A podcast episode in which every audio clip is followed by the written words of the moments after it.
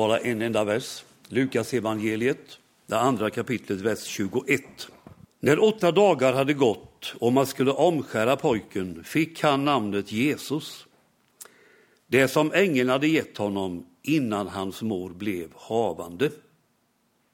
Amen. Varsågoda och sitt. Ingen har väl undgått Zlatans uttalande om en cykel med hans autograf på. Han måste ha tyckt att hans namn och hans namnteckning är väldigt viktig och värdefull. Och det kanske den är. Ja, det är ju så att våra namn, de står ju för olika saker. När vi hör ett namn så kan vi tänka på en person, en händelse. Vi kan få känslor som är positiva och känslor som är negativa. Vissa namn kan lysa länge och en del namn slocknar ner ganska fort, även om det har funnits tider då han har varit mycket populär. I kyrkan runt nyår så är det så att det koncentreras runt namnet Jesus. Han fick namnet Jesus, läste vi i texten. Och nyårsdagens tema för texterna är i Jesu namn. Och detta med Jesus och Jesu namn, det har nog återkommit år efter år, tror jag, vid nyår. Varför är det så? Jo, Jesus är densamme i evighet och hans namn lyser lika starkt varje nyår. Namnet Jesus bleknar aldrig, som vi sjunger i en av våra psalmer. Vi ska dela några saker som namnet Jesus ger oss. Jesu namn, för det första, ger frälsning. När Maria bär på Jesusbarnet så vet vi att Josef i sin oro får besök av ängeln. Och ängeln säger till honom att det barn som Maria bär inom sig, det ska Josef ge namnet Jesus. Ty han skall frälsa sitt folk från deras synder, står det. Jesus är frälsaren. Hela hans person hör ihop med hans namn som betyder Herren frälsar. Och på julnatten är änglarnas glädjebud. Idag har en frälsare fötts åt er. En frälsare född åt oss. Jesus är alltså någonting som vi behöver. Varför behöver vi honom? Jo, svaret finns faktiskt i ängels budskap till Josef. Han skall frälsa, rädda från synder. Och då är det ju så här, att vad vi än tycker om detta, så är vi allihop fångna i det eländet som kallas synd. Det finns något i oss som hela tiden vill dra oss bort ifrån Gud. Något som vill göra oss till ofria människor. Något som vill dra våra liv in i mörker och kyla. Så är det hela tiden. Men Jesus är frälsaren som kan lösa oss från detta, som drar bort från Gud. Och han kan dra oss in i förlåtelsen, i ljuset, i värmen, i frihet. Bara han förmår göra det.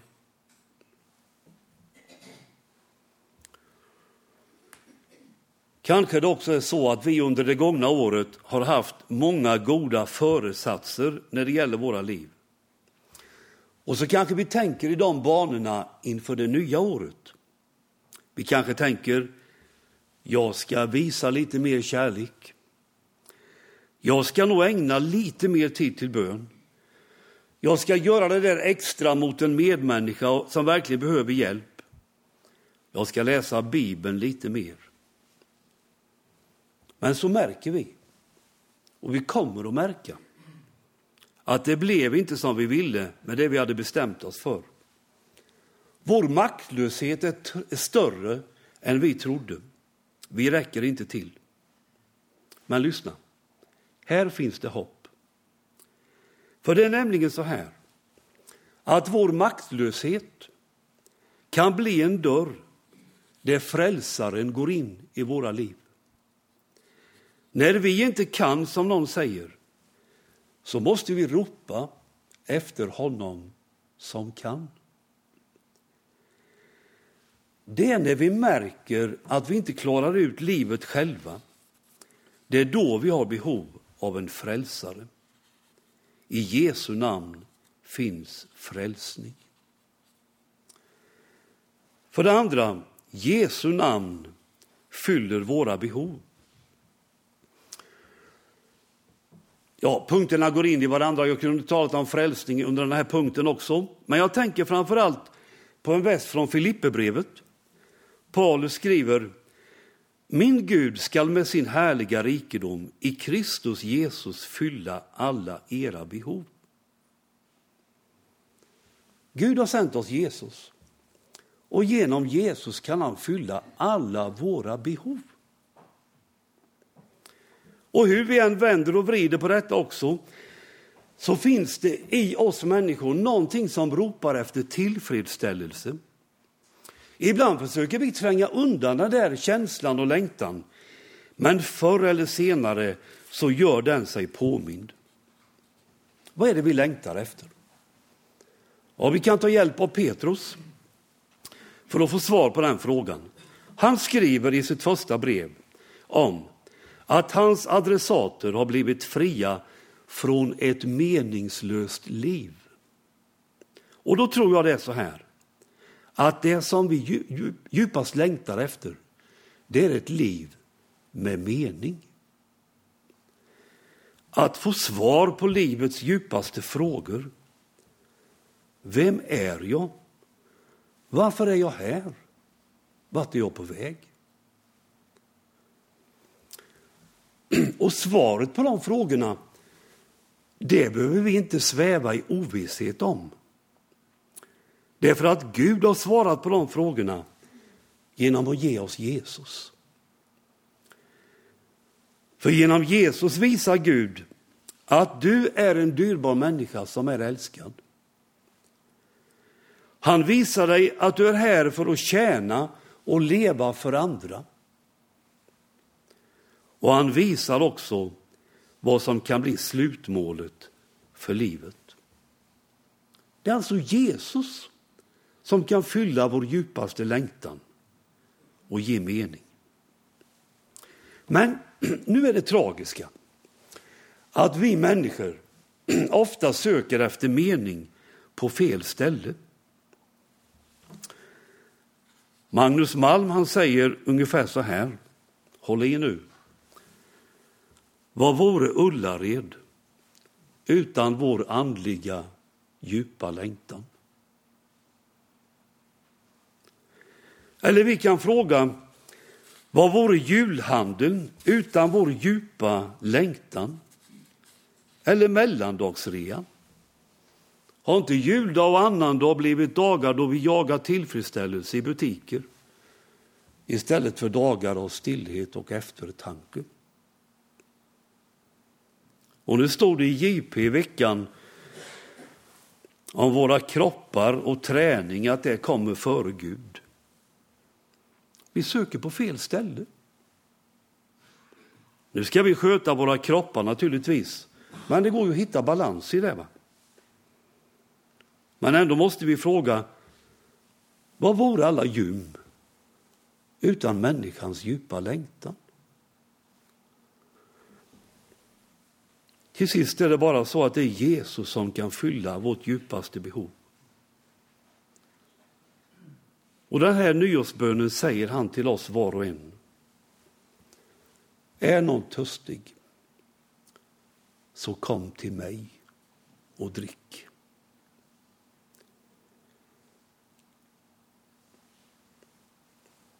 För det tredje, Jesu namn är kraft. Att Jesu namn och person är kraft, det kan vi se i evangelierna. Han botar sjuka, han stillar stormar, han mättar hungrande. Och i apostlagärningarna när Jesus har gjort himmelsfärd så botar Petrus och Johannes en lam man genom att be honom stiga upp och gå. Men den befallningen ger de i Jesu namn. Det var genom det namnet som undret skedde. Jesu namn är kraft. Då kan vi fråga, hur kommer det sig att det finns sån kraft i namnet Jesus? Jo, det beror nog på att han är ordet.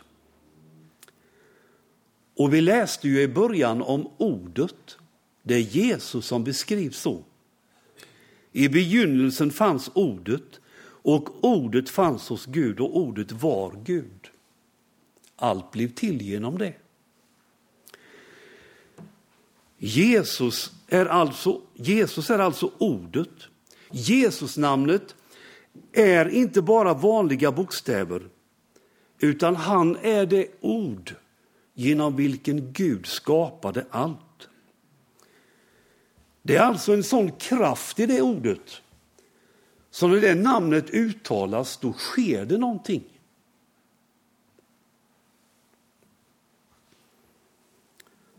Jag har just läst en bok, jag har läst den förut, som handlar om bön. Den är skriven av en man som heter Peter Kräft. Och han skriver om detta med kraften i Jesu namn. Han skriver, Jesu namn är en gyllene nyckel. Den öppnar alla dörrar, förvandlar alla vrår av vårt liv. Men vi vill inte använda denna gyllene nyckel och därför förblir dörrar stängda. Hörrni, vi har en gyllene nyckel att använda. Jesu namn. Vad bär vi med oss, du och jag, in i det nya året? En del av oss kanske bär på tunga ryggsäckar och vi undrar, hur ska vi klara detta? En del av oss kommer att möta svårigheter under det nya året och vi kommer att undra, hur ska detta gå? Låt oss det här nya året, 2014, också ta med oss Jesu namn, som är kraft. Jesu namn som är nyckel in i det vi ska möta. Att han är med betyder inte att vi slipper svårigheter. Men det betyder att det finns någon med alltid som hjälper oss och ger oss kraft för alla dagar och som är kraften till att leda vidare genom det som är knepigt. Och hur det här blir under 2014 så vill jag ge dig en bön att ta med på vägen. Och den här bönen har betts av tusenden och åter tusenden och har förmedlat Jesu kraft in i människors liv. Bönen kallas för Jesusbönen och lyder Herre Jesus Kristus, Guds son, förbarma dig över mig syndare.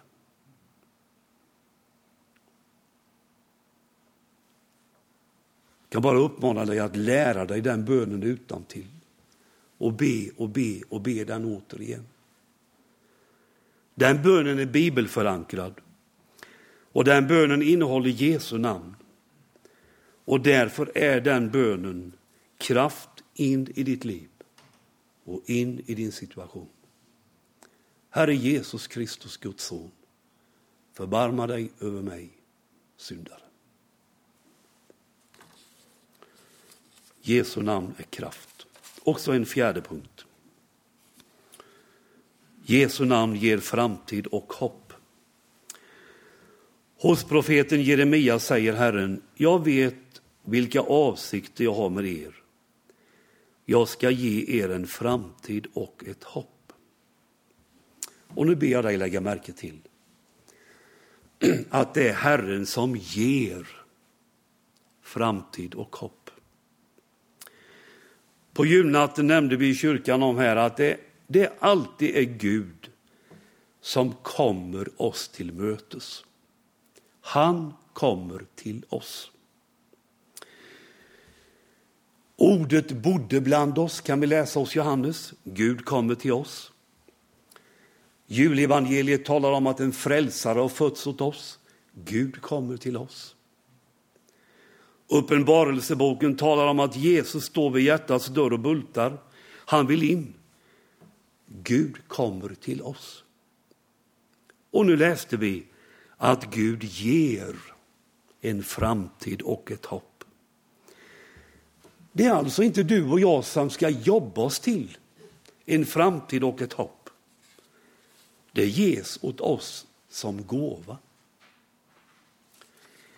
Tillsammans med Jesus får vi ta emot ett nytt år med framtidstro och hopp. Och varje dag under det nya året så kan vi få be i Herrens bön. Låt ditt rike komma. Vi ska inte erövra det, utan det får komma till oss, in i de liv som vi lever.